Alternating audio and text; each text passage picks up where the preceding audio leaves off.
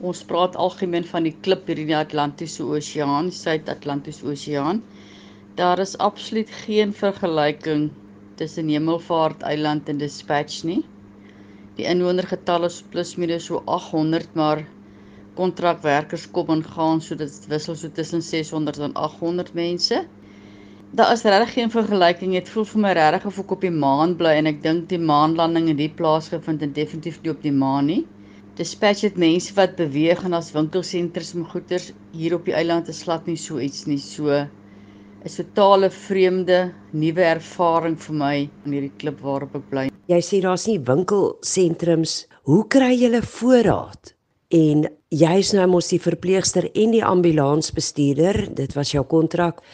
Danita Ferreira van Dispatch wat jy besluit het, jy gaan nie op pensioen nie, jy gaan 'n ambulansbestuurder en 'n noodverpleer word op hierdie maaneiland soos wat jy sê in die Atlantiese Oseaan. Ek is nie net 'n ambulansbestuurder en 'n tegnikus in die hospitaal nie. Dit beteken ek moet seker maak dat al die instrumente, apparaat, medikasie alles op datum is, dat dit nie verval het nie. Ek ben die groot ambulans bestuur om noodgevalle te gaan haal wat ek wel 'n paar keer moes doen as gevolg van mense wat op see beseer is.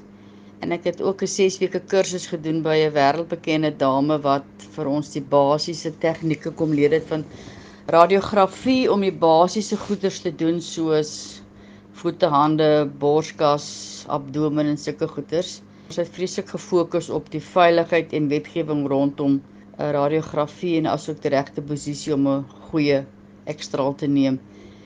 Ja, uh, kos hier is nogal 'n klein seerpuntjie om oor te praat want daar kom net elke 3 maande 'n skip van Suid-Afrika, die MV Helena of die MOT skip van die Verenigde Koninkryk Engeland daai plek. En as jy jou kan indink, goed op 'n skip met omtrent ten minste 2 weke voor die tyd by die hawe wees dan vat plus minus 10 dae om hier op die eiland aan te land. So ons is soos hongerhondjies as ons die skip sien aankom. Ons moet maar, mooi koop en so, maar jy moet goed maar stoor en so aan. En ek is in 'n gelukkige posisie met my seun Jakob wat invoere doen dat ek allerlei ander interessante goedjies wat ek hierso nie kan kry op die eiland nie, kan ek dan deur hom invoer.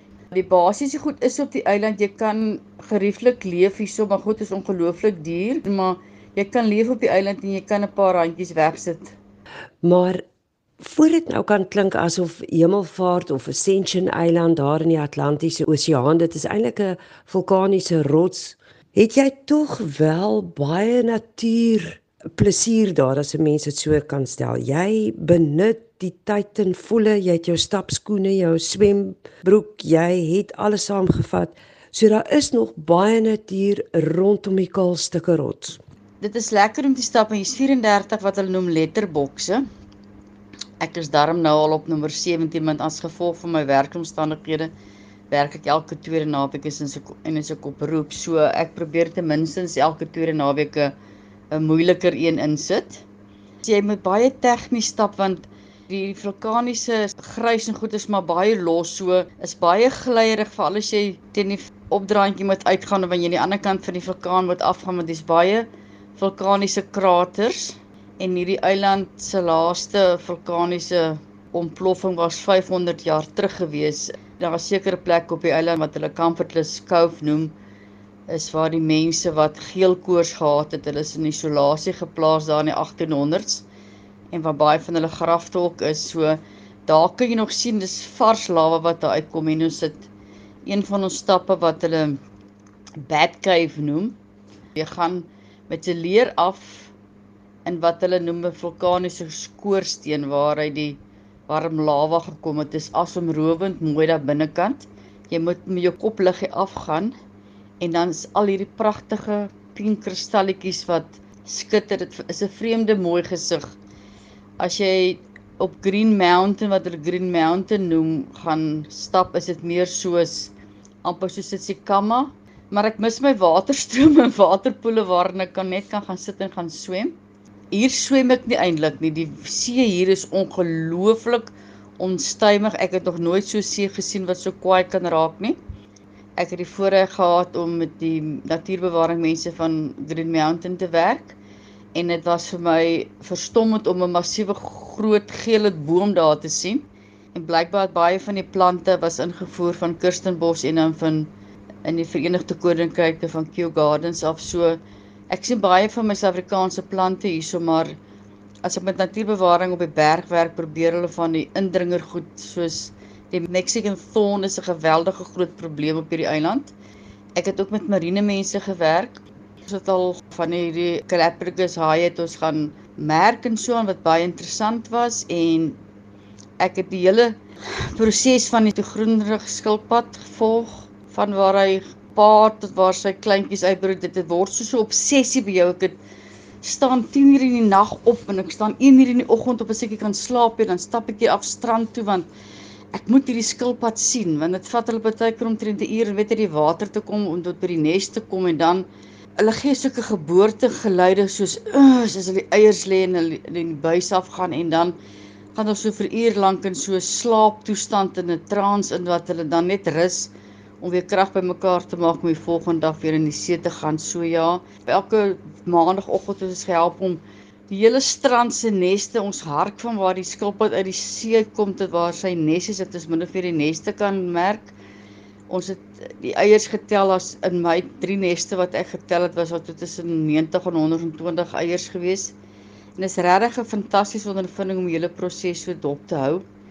Ek het ook gaan stap tussen die booby birds deur op verskillende van die haai stapjie tussen die voëls deur en die Ascension frigate wat net hier voorkom ook.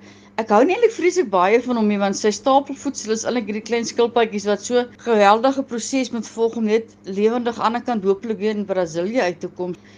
Maar hierdie vulkaniese rots is regtig is absolute vreemde ervaring. Is 'n dorbrein vulkaniese as eiland. Ons was bevoorreg geweest om twee reënbuie te hê so 3 weke uitmekaar het. En weet jy, liewe Jesus sien ons met hierdie groen eiland nou want oral tussen hierdie vulkaniese rots kom met gras op en dis dis so lekker om net te gaan staan en kyk na hierdie wywende grasvelde en gras te ruik. Ons het een stap gaan doen wat hulle sê Devil's Riding School en dit is 'n ou opgedroogde meer en dan tel jy in hierdie klei wat versteen het dat hulle oogbale noem, so hulle noem dit Devil's Eyeballs. En dit is so interessant om dit op te tel so elke stap wat ek hier gedoen het 'n 'n verskillende ervaring, verskillende natuurwonder wat ek hier kan beleef. Ek het oor die voorreg gehad om die Ascension landkrab se hele prosedure van Green Mountain af af beweeg tot by die see waar hy dan sy eiers gaan lê. Dit gebeur so net 4 keer 'n jaar. Maart en April het ons saam met natuurbewaring mense gewerk wat jy dan die krappe wat getag is met 'n sensor optel en hulle dan vashou dat dat tipe bewaring hulle kan meet en al daai tipe observasies kan doen en so aan. Dit was net so wonderlike ervaring want die strand is dol leeg en dan eweslik so donker raak, dan kom al hierdie geel krappe net uit al die holtes rondom jou uit hierdie grys rots kom dit lyk soos geel sonneblom wat op op die rots is. Dit is so fantastiese ervaring. Ek het eendag net daar gaan sit tot dit donker word en eweslik toe kom hierdie krappe net van oral oor en dan hou hulle die water dop en hulle sal dan so in die see ingaan. Dan gaan staan hulle so op hulle vier beentjies en dan is net soos ballerinaatjies wat dan dans in die water en dan raak hulle ontslaaf van alle eiers. Ek het dit nog nooit op enige ander plek ervaar dat ek so naby aan die natuur kan kom nie. Danita Ferreira, eens van Dispatch, 101 seker weer eendag op pad terug. Dis eintlik moeilik om te dink dat jy van 21 jaar as bestuurder van die Kleuterland Bewaarskool. Dink jy dit was 'n goeie idee om nie net sommer reguit op pensioen te gaan, maar eers so 'n 'n draai op daai eiland te gaan gooi? Ek weet nie of ek ooit eendag sal ophou nuwe ervarings uitsoek nie. My een vriendin sê ek het 'n komitee in my kop. So ja, my komitee is verskriklik besig op hierdie eiland. Ek maak planne en ek maak drome en dan kry jy so 'n uh, ehm, klippie in jou pad en dan verander jy roete, maar deur die genade van bo se ek nog altyd bevoorreg gewees om 'n nuwe ervaring te ontdek en so en so. Ja, ek is vir geen oomblik spyt dat ek na hierdie eiland toe gekom het nie. Die interessante ding is op hierdie stadium is daar vyf dispatchers op hierdie eiland en so dispatchers glad nie so klein plekkie en hy's nogal lyk binne 'n bekende plek is ons almal hiernatoe wil kom. Groete daar vir Suid-Afrika en mooi loop hier van my maskerlose klip.